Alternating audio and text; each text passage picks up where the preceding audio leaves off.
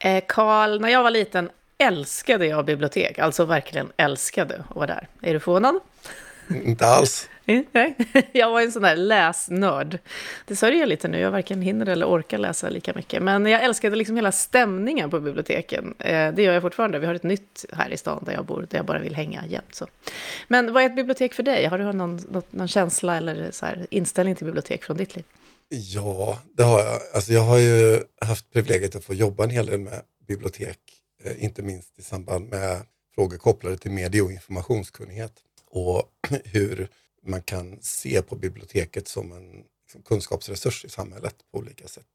Så för mig så är ju biblioteket så mycket mer än liksom böckerna som är i, i hyllorna, utan för mig så är det ju en, en plats där man kan komma och ta del av en kunskapsprocess eller fördjupa sig i en eller få stöd i och liksom nysta i någonting som man är nyfiken på.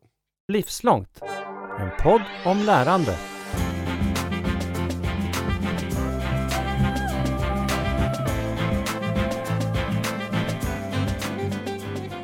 Och sen också insikten att det finns så många olika typer av bibliotek. Alltså vi tänker ju oftast på liksom folkbiblioteket men vi har ju skolbibliotek och arbetslivsbibliotek och forskningsbibliotek på våra universitet och högskolor och så vidare. Så, och, det, så det, och de har så olika attribut och, och sätt att, att, vara på. Så, så de är väldigt spännande platser tycker jag för att de erbjuder så mycket olika saker. Mm kommer ihåg när du visade mig ett bibliotek eh, väldigt tidigt när vi hade träffats, utan böcker. Så det, det finns många sådana platser. Vi kommer att komma tillbaka till det, för vi ska, som eh, då alla har räknat ut, prata om bibliotekens roll i vårt det här lärande perspektivet som vi stöter och blöter här. Ingen är gladare för det än jag, som heter Katarina Björtsack, och du Carl Heath. Och då säger vi välkommen till eh, Linda Sävhammar. Välkommen till Livslångt. Ja, tack så jättemycket. Det är väldigt eh, spännande och roligt att få prata bibliotek med er tycker jag. Ja, du ska få berätta alldeles strax vem du är med formella titlar och informell inställning och så. Men jag vet, för att jag ser i offentliga forum, att du älskar lärande. Var, var, varför gör du det?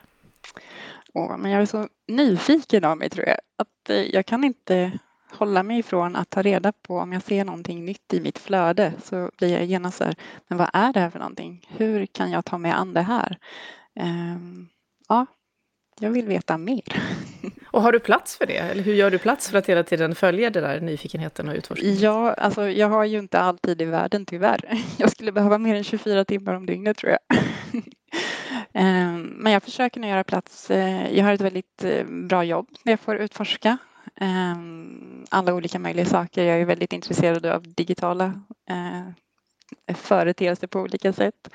Och det har jag möjlighet att göra i jobbet. Ehm, och sen ja, i, hem, i vardagen så eh, ger jag också ut utrymme för att lära mig saker på mm. olika mm. sätt. Tillsammans med ja, min son och ja, föräldrar och kompisar och sådär såklart. En helhet. Men lite mer om det där jobbet då. Vad är det du gör och vem är du i, i den kontexten? Mm. Jag jobbar ju som utvecklingsledare på Regionbibliotek Östergötland. Och eh, det betyder att jag jobbar inte med böcker längre. Jag har varit bibliotekarie i Leksand och då jobbar jag som IT-bibliotekarie.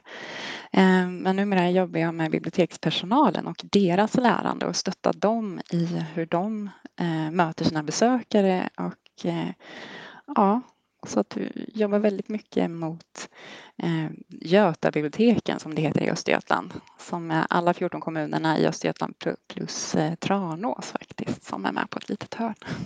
Mm. Och då när du pratade om att du älskar att lära nytt själv och så stöttar du andras mm. lärande kan man säga, utveckling då som utvecklingsledare. Vad, vad, skulle du säga att lärande är för dig? Vad består det av? Ja, men det är ju allt möjligt. Allt som du stöter på, de frågor du får kanske i lånedisken eh, som bibliotekspersonal. Eh, då lär du ju någonting samtidigt som du tar reda på den här informationen till personen i fråga. Eh, jag lär mig otroligt mycket när jag möter bibliotekspersonal och hör hur deras vardag är. Ehm, jag försöker verkligen lyssna in, lyssna in deras behov Eh, vad behöver de just nu? Men sen har vi även det här framtidstänket också. Försöka omvärldsförlaga framåt i tiden. Var eh, finns bibliotekens roll framöver och eh, hur kan biblioteken göra skillnad då? Eh, mm. Mm. Låt oss återvända till det alldeles strax. Jag vet att Karl är väldigt intresserad av det också. Men vad skulle du säga då att det är för tecken på behov hos de som kommer till biblioteken av att lära nytt? Hur, hur kan det se ut i vardagen? Vad kommer de med? Mm. Ja, men det kan vara allt ifrån att de vill hitta en specifik bok det är en väldigt enkel fråga att svara på. Eh, men sen kan det vara lite svårare frågor kanske eh, som hur eh, det här med e-post, vad är det för någonting? Och jag har hört att man kan gå in på SVT Play, men vad gör jag det? Man kommer med sådana frågor också i lånedisken och det kanske man inte tror om man inte Eh, Eh, känner till bibliotek på det sättet. Man kanske tror att biblioteket bara är det här rummet med böcker. Men precis som du Karl sa tidigare, det är ju så mycket mer.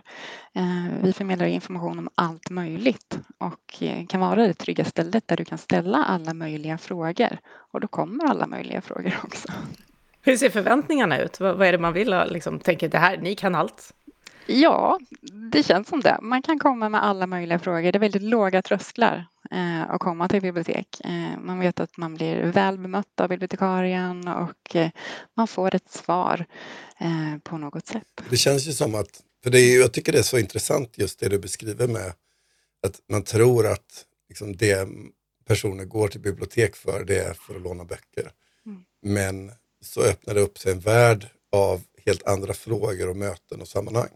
Och Det är någonting intressant tycker jag i att det har blivit så att biblioteket har fått den här bredare kunskapsförmedlande rollen för väldigt många människor i samhället. Och, och det säger väl också någonting, tänker jag, liksom om liksom bristen på sådana platser i övrigt kanske.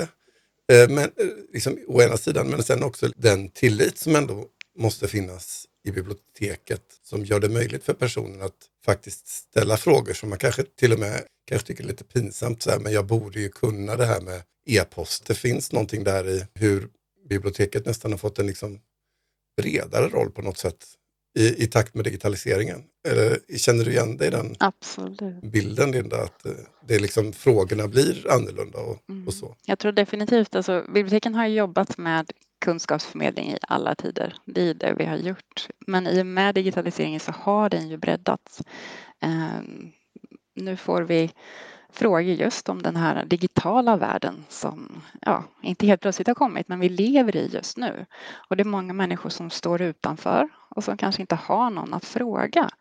Ehm, och då vet man, men biblioteket, jag brukar ju gå dit och få bra svar. Ehm, jag provar. Kan ni hjälpa alla då? Har ni bra svar till alla? Så att, så att den där tilliten lever kvar så att säga. Vi försöker att leva upp till de förväntningarna. Eh, det kan vara en eh, kanske en svårighet som personal att man inte känner sig kanske helt trygg med att kunna svara på alla tekniska frågor som kommer. Eh, en del bibliotek är så pass stora så att de kan ha teknikhjälp vissa dagar i veckan faktiskt. Eh, så man kan komma med sina frågor där om man inte då möter någon person i disken som kan svara på frågorna så kan man hänvisa vidare. Ehm, men att man oftast försöker eh, hjälpa så långt det går och går det inte längre så kanske man säger men kom på torsdag mellan 10 och 13 då kan du få bättre hjälp av mina kollegor.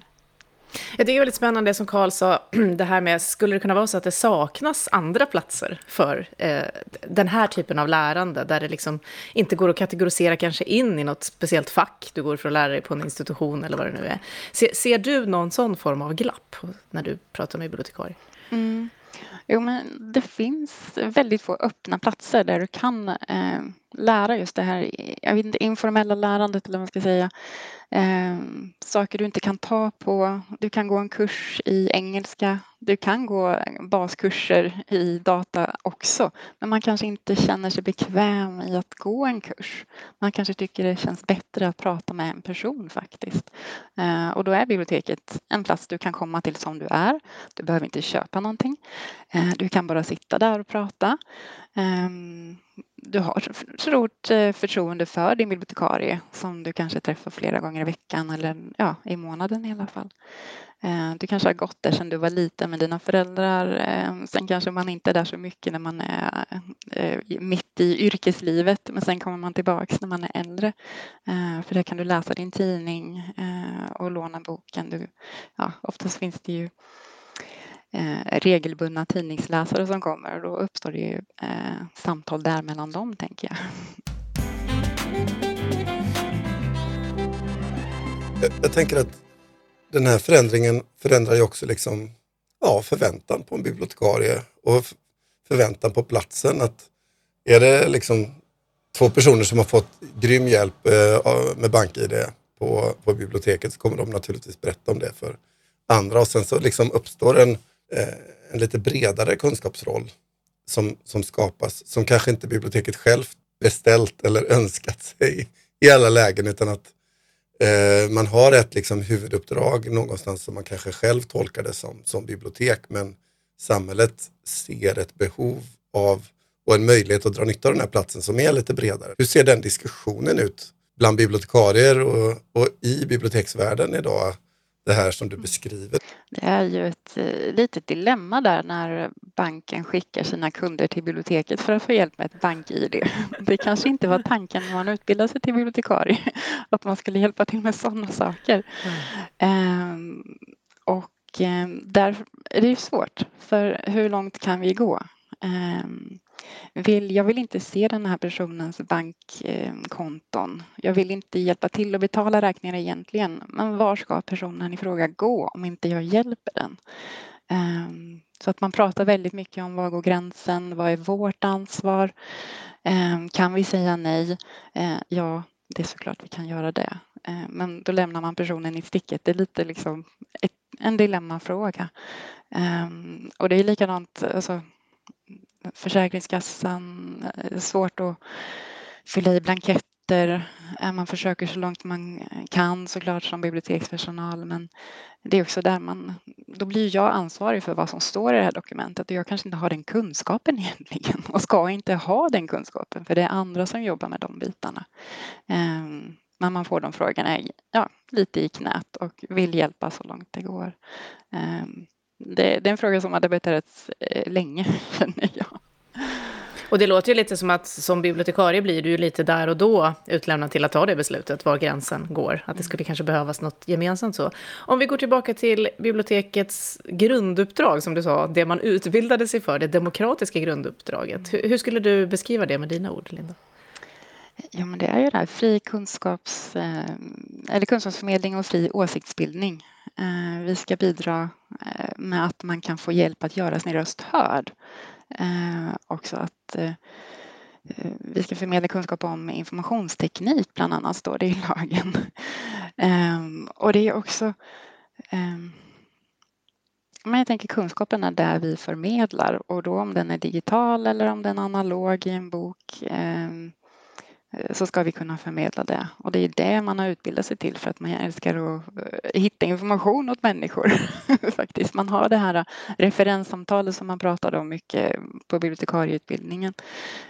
Hur, om en människa kommer och säger jag vill ha en bok om andra världskriget. Ja, det är rätt så många olika böcker det finns där i det området och då försöker man liksom ställa frågor för att komma fram till vad personen i fråga egentligen frågar efter. Ja, men jag vill läsa Anne Franks dagbok. Ja, okej, okay, det var det vi kom fram till.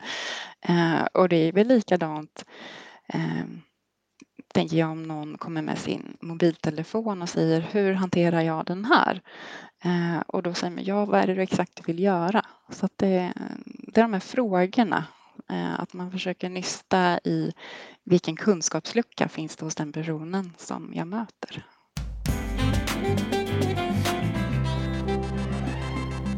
Och om vi går in i den luckan då i allmänhet, eh, en del kanske är i den och andra inte, men Karl var inne på det i grunden här, vad som fascinerar med bibliotekens uppdrag och ja, tillstånd brett. Vi har ju nuddat här i podden förut vid begreppet MIK, medie och informationskunnighet, och det är det du i praktiken beskriver nu då, Linda. Men kan vi utveckla lite tillsammans? Vad, vad innebär det här? För jag vet inte om det är sådär i varmansmunnen. Nej. Eh, det var ju tolv kunnigheter i början, men nu är det faktiskt 23 kunnigheter.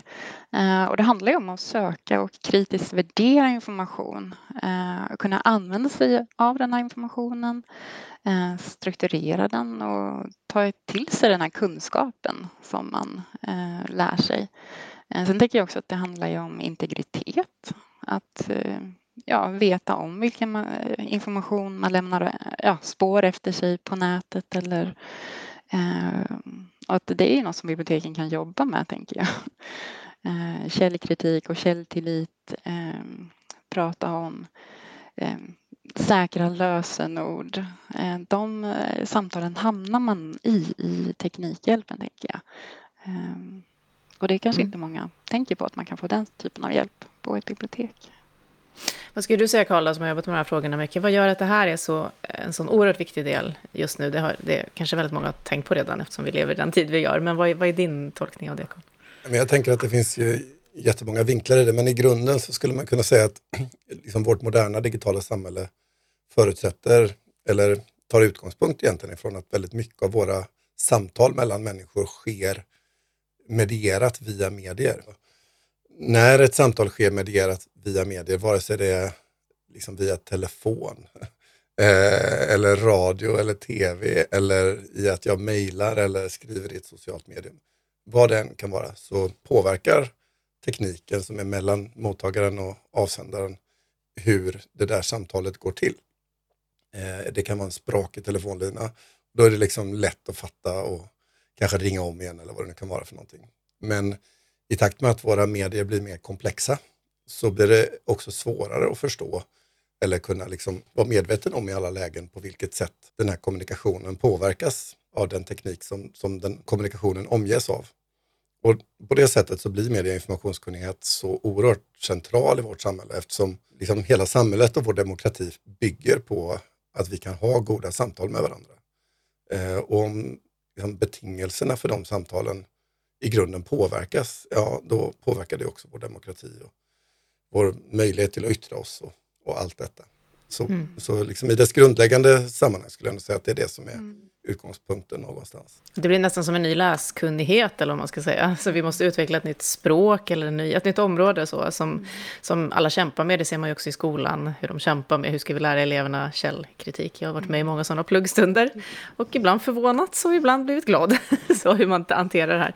Men du har ju, som du sa, eh, Linda, länge fascinerats av just den digitala utvecklingen och vad den gör med samhället och så, att det är kopplat till ditt lärande, som du sa. Och här är vi ju, som Karl beskrev då, vi, vi följer följer ju den också i, i hur ämnet hanteras. Så, vad, vad fascinerar dig med den här utvecklingen?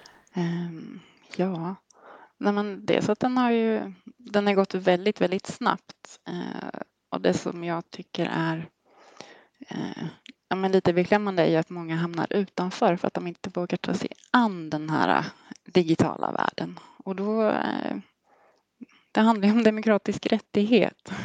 Och när man inte kan ta sig an den digitala världen så eh, står man ju utanför. Man kan inte göra sin röst hörd på ett rättvist sätt. Eh, det är väl lite det som jag tänker med att det är så viktigt att vi pratar om MIK eh, även på biblioteken. För där möter man eh, gemene man eh, som kanske inte går en kurs eller är i skolan där man pratar om källkritik. Man kanske inte har barn som lär sig om källkritik. Ehm, ja, det, jag är glad att de har utökat de här kunnigheterna till e 23 för att det är så mycket mer man behöver kunna. Ehm, de har lagt till sociala mediekunnighet till exempel och ehm, datakunnighet, AI-kunnighet. Det är så mycket, det är en så snabb eh, värld vi lever i, den digitala världen. Och utvecklingen går så fort och det är lätt att hamna på efterkälken. Mm. Eh. Man kan ju också bli matt när man tänker på, så kan, kan jag de här 23 kunnigheterna ens? Eh, att det kan vara mycket, både för en bibliotekarie att hantera, men för en vanlig människa också så. så. Du har jobbat mycket med digitaliseringsutveckling, Linda. Berätta mm. lite, vad är det du har gjort mm. kring just biblioteksvärlden? Jo, Nej, när jag började i Leksand då som eh, bibliotekarie så eh, var det den här kampanjen Digidel 2013 då man skulle eh, höja befolkningens digitala kompetens under två år. Och eh, jag tyckte det här lät jättespännande för jag var precis ny som bibliotekarie. Eh, och då satte jag igång eh, väldigt Eh, rejält med olika kampanjveckor och försökte ha boka en bibliotekarie eh, där människor kunde boka då en timme med mig och jag hjälpte dem med olika digitala frågor och då var det mycket e-post. Eh, mycket var i Facebook, vad är Twitter för någonting? Så vi hade massa olika kurser och föreläsningar kring det eh, och man såg att det fanns ett stort behov. Ehm, Eh, där jobbar jag även med barnen också. Att vi hade lite barnhack, alltså programmering för barnen och försökte nå den eh, åldersgruppen. Men även där försökte vi nå föräldrarna så att när vi hade barnhack så skulle en förälder vara med barnet och lära sig programmera tillsammans. Så att eh, även föräldern fick lite insyn i vad barnen håller på med. Ehm, och det jag tyckte var roligt i den eh, vad heter det, kursen som vi hade så var det att föräldrarna blev så engagerade så de tog ju nästan över datorn från sitt barn i programmeringsmiljön. Ehm, men det här var ju 20, 2011 tror jag. Eh, och det jag jobbade med då, det jobbar man ju med fortfarande på biblioteken. Man bygger inte bort den här digitala klyftan, den finns fortfarande kvar. Uh, den kanske minskar, men det finns fortfarande ett stort behov. Um, Vad ska krävas för att bygga bort den tror ni? Oj. För vi pratar ju om det här utanförskapet ibland. Vi är ju inblandade i lite olika sammanhang som hanterar det. det. Nej, går det? Det är verkligen en fråga. Ja, går det att bygga bort? Jag vet inte, för tekniken går ju mycket, mycket, alltså den går ju så fort framåt. Det jag har lärt mig idag, det stämmer inte imorgon. Uh, och då ska man mäkta med, tänker jag, att ta sig an att Facebook har ändrat sin algoritm så det ser inte ut som jag gjorde, som det gjorde. Och nej, nu, nu lägger jag ner, nu orkar jag inte lära mig något mer. Uh, och så kanske man stannar i sitt lärande lite. Um. Vad tror du Karl, går det? Alltså, ja, det är liksom just det där som du är inne på här nu på, på slutet Linda, det här med liksom orkar jag mer när allting förändras hela tiden. Det är ju, det är ju kanske en av de liksom skälen till varför en person sen besöker biblioteket i slutändan. Mm. Att säga, nej men jag har hållit mig undan ifrån att liksom lära mig saker för att det blir komplext eller svårt. Och har jag en gång valt att nej men jag gör det sen och så går det tre år och så har de där små stegen blivit väldigt många steg och så känner man helt plötsligt att man är rätt så långt bort ifrån där man var. Mm. Så det är ju egentligen liksom en, jag tänker att det nästan blir en större fråga och som handlar om liksom att bibliotekets roll eller för den delen andra samhällsinstitutioners roll vars kunskap, liksom, som har ett kunskapshöjande liksom, uppdrag någonstans. Att egentligen liksom kanske behöva titta på dem i ett lite nytt ljus av att saker och ting ändrar på sig, saker och ting är inte likadant. Och säga, men okej, hur designar man, hur skapar man en samhällsinstitution som klarar av att möta samhället i den tid och den stund som samhället är i. Och jag upplever väl att biblioteken många bibliotek verkligen tar det uppdraget på allvar och gör ett liksom bra jobb i det. Men, men det, som du säger, liksom, det går ju en gräns för vad det är rimligt är bibliotekens roll och vad som borde vara andra samhällsinstitutioners roll. Och, och, liksom, ja, och hur, hur det där ska se ut, det är ju jättesvårt. Alltså. Jag står också tänker på att vi på något sätt pratar om att det här behovet av lärande ökar så mycket i och med takten, tempot, utvecklingen, paradigmet vi lever i så, som är mycket drivet av digitalisering. Men också då att alla ska lära sig digitalisering, så att det går liksom på något sätt åt båda håll. Hur gör man det, Linda? Hur lär man sig digitalisering? Om man tar det ur ett brett perspektiv. För jag kan tänka mig att sådana frågor kommer också. Jag behöver bli mer digital. Ja, precis. Och var börjar vi någonstans? Ja. ja men Eh, då får man ju prata om kanske att ja, vi lever i en digital värld. Eh, vi har det digitala runt oss. Vi kanske inte tänker på att vi har en smart telefon och där har du ju faktiskt en dator. Eh, man kan ta det den vägen. Man kanske bara använder telefonen för att ringa, ringa med eller skicka sms. Men man gör inte så mycket mer med den, kanske filma lite.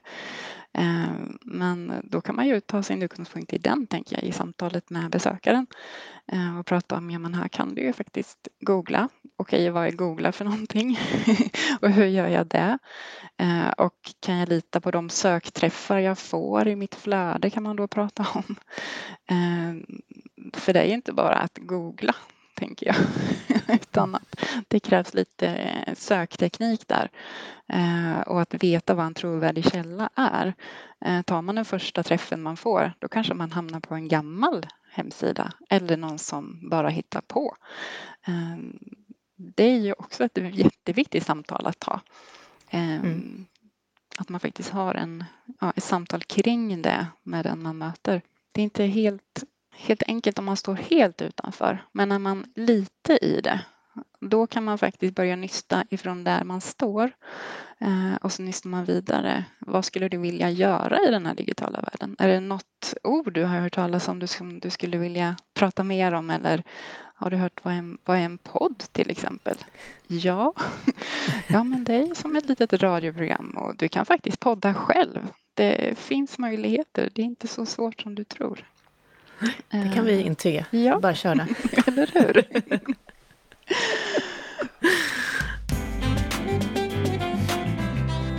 Jag funderar på det här med just liksom att komma in i och möta det digitala. Och så, eh, det, det är så lätt att liksom föreställa sig att all, alltså att ta utgångspunkt ifrån ens egen kunskapshorisont när man föreställer sig hur alla andras förmåga i det digitala är. Och det, I mitt möte med personal i biblioteken under de åren som jag varit engagerad i biblioteksfrågor på olika sätt så har det blivit så uppenbart för mig att mångfalden av personers kunskap den är så väldigt olika. Och också att den inte liksom är statisk. Man tänker sig att, jag tror jag själv hade liksom en idé om att så här, nej men, det är nog bara en tidsfråga. Sen har alla liksom kommit in i den digitala världen och då kommer det att funka bra. Men det kan vi ju se nu att så är det ju inte, utan eftersom liksom vi är i en kontinuerlig samhällsutveckling, så även om du kanske var duktig på datorer på 90-talet så behöver det inte betyda att du är det idag. Det fanns en diskussion om det där med liksom digitala infödingar och sånt för 10, 15, 20 år sedan.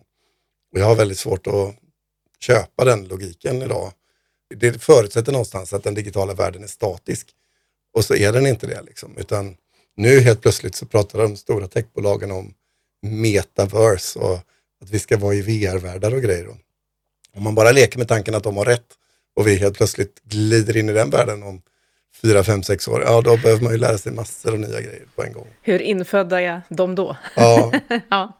Nej, men också från andra hållet tänker jag att vi tar, för givet att de här då som kallades eh, för digitala infödingar kan allt det här som du har beskrivit nu, eh, Linda. Kan söka, kan källkritik, kan liksom, vilket ju verkligen visar sig att så är det ju inte. Men vissa saker har de levt med och tänker inte ens på som digitalisering. Så. Mm.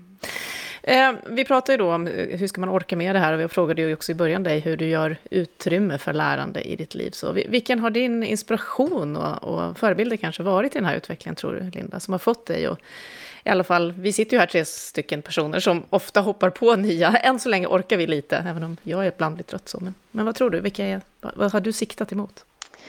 Ja, men jag tror att eh, dels har jag haft en, eh, jag tänker min pappa faktiskt är en förebild. Eh, för han tog med en dator hem väldigt tidigt när jag gick på högstadiet tror jag. Och då var jag nyfiken på den och ville lära och jag fick lära också.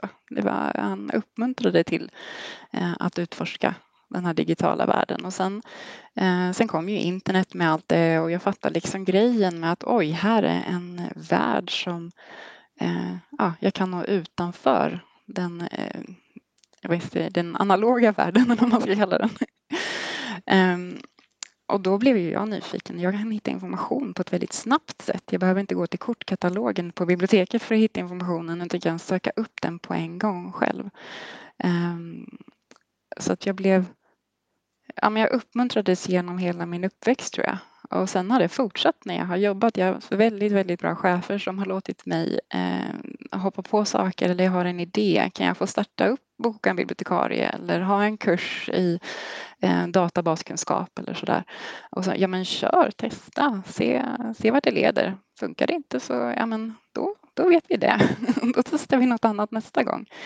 Eh, och just att man har fått en uppmuntran eh, för sin nyfikenhet om eh, att lära ut och eh, att vara en lärande människa eh, tror jag har ja, följt mig genom livet så att säga. Eh, sen hade jag en, pratade med en kollega här nyss om det här. Varför är det alltid mig som folk frågar då på jobbet om digitala saker? För så har det, digitala varit. alibit. ja, ja, lite så. och då sa han, alltså, för jag, ja, alltså, jag kan ju inte allt, men eh, jag kan ju ta reda på det. Eh, och då sa ju han att men, du är en person som eh, ja, man vågar fråga. Att, eh, att jag har liksom det typ av angreppssätt. Får jag en fråga så eh, säger jag inte nej, utan jag säger ja men det är lite spännande, ska vi utforska tillsammans? så jag känner att det är så jag ja, men jag försöker eh, angripa mig frågor och funderingar jag får och mitt eget lärande tänker jag. Att man lär tillsammans. Ser jag att det är någon annan som hoppar på, ja men VR har jag varit inne på ett tag nu. Eh, och då ser jag att en kollega kanske i, ja, i Västerbotten håller på med det så frågar jag, men kan inte du lära mig lite om det där? Eh, och så hoppar jag på det. Så att jag tänker jag inspireras av flera olika människor runt mig i min omvärldsbevakning, tänker jag, när jag följer mina olika flöden i sociala medier eller på, ja, i tv. Man stöter på något koncept som man blir nyfiken på. Då utforskar jag det vidare och gärna tillsammans med andra. Mm. Himla fint att vara en person som folk vågar fråga. Hörni, stort tack för ett eh, jätteintressant och härligt samtal. Linda Sävhammar, utvecklingsledare på eh, biblioteken, för bibliotekarier. Stort tack för att du var med i Livslångt. Tackar. Nu eftersnacket. Ja, men eh, jag vet inte, jag, eftersom jag sa till början att jag älskar bibliotek, det här samtalet gör mig ju väldigt glad och också lite sådär verkligen eftertänksam. Var, hur strukturerar, hur ser vi till att alla är ombord på ett samhälle som rör sig och sådär. Eh, men också att biblioteken, tänk att vara en plats dit alla vågar gå och fråga, det är väldigt fint. Vad, vad tog du med dig, Carl? Jag håller med om det. För mig är det nog en av de sakerna som var en sån här riktig aha-upplevelse under mitt eh, utredningsarbete i demokratifrågor där jag fick liksom prata väldigt mycket om möta bibliotekarier. Eh, just den här insikten att biblioteket är så många facetter som jag själv inte ser eller tar del av. Och hur viktiga de facetterna är för en så stor del av, av samhället. Ehm, och att de verkligen har ett så mycket bredare folkbildande liksom, anslag än vad som, eh, ja, för tror jag väldigt många, liksom, in, att man inte ser det. Eh, för mm. att man inte liksom befinner sig i den positionen eller det sammanhanget att, att man, man har de förutsättningarna att se det. Och det för mig känns, ja det, det har gjort att liksom min syn på biblioteken har blivit, eh, de har fått en mycket större angelägenhet för mig och, och känns som en så viktig samhällsinstitution. Just det, för ibland pågår det diskussioner om, ska man ha folkbiblioteksfilialer öppna och ska, hur ska vi hantera, är det verkligen väl investerade skattepengar och vad det nu kan vara. Olika partier tycker olika ibland och sådär. Men eh, hur, när tror du liksom att den här bilden är vidgad från bibliotekarien hjälper till med böckerna till hela det här stora fältet av information, lärande och kunskap? Jag tror att den förflyttningen håller på att ske så sakteliga just nu på grund av samhällsutvecklingen och på grund av ett mycket starkare behov av de här frågorna. Eh, Erik Fichtelius eh, gjorde en biblioteksutredning eh, eh och eh, skrev fram ett förslag på en biblioteks, nationell biblioteksstrategi och där han just pekar på det att medie och informationskunnigheten i samhället den är avgörande för demokratin och inte minst i händelse av situationer där liksom samhället eh, utsätts för större prövningar. Och som till exempel Eh, så vet vi att informationspåverkanskampanjer är liksom det första steget i hybridkrigföring till exempel. Sånt som man såg i Ukraina när eh, Ryssland gick in och annekterade Krim till exempel. Och, mm. och i, eller bara i en pandemi. Ja, eller i en pandemi. För, för att då kunna särskilja det sanna från det falska och vad är rätt och fel och, och hur, hur, hur kan man värdera och pröva en information så kommer biblioteket att fylla en väldigt viktig roll. Eh, och just den rollen, den förutsätter att biblioteket finns i sin samtid och är med i teknikutvecklingen. Och I takt med att de här frågorna nu liksom faktiskt är på, tyvärr är på kartbladet så, så ser vi ju att ja, det finns en större vikt eh, i samhället för dem. Så jag tror att bibliotekets roll i samhället kommer att, att stärkas över tid. Jag hoppas det mm. också. Mm, jag med, verkligen. Verkligen. Ha, eh, vi kommer säkert komma tillbaka till den rollen tror jag i podden. För den finns ju en mängd olika facetter som du säger av. Så vi, vi tar med oss det vidare också. Stort tack för den här veckan, Carl Heath. Tack så mycket. Ha det bra, hej. Du har just hört Livslångt, en podd från RISE om allt det där man lär sig i livet. Vi hörs om en vecka igen.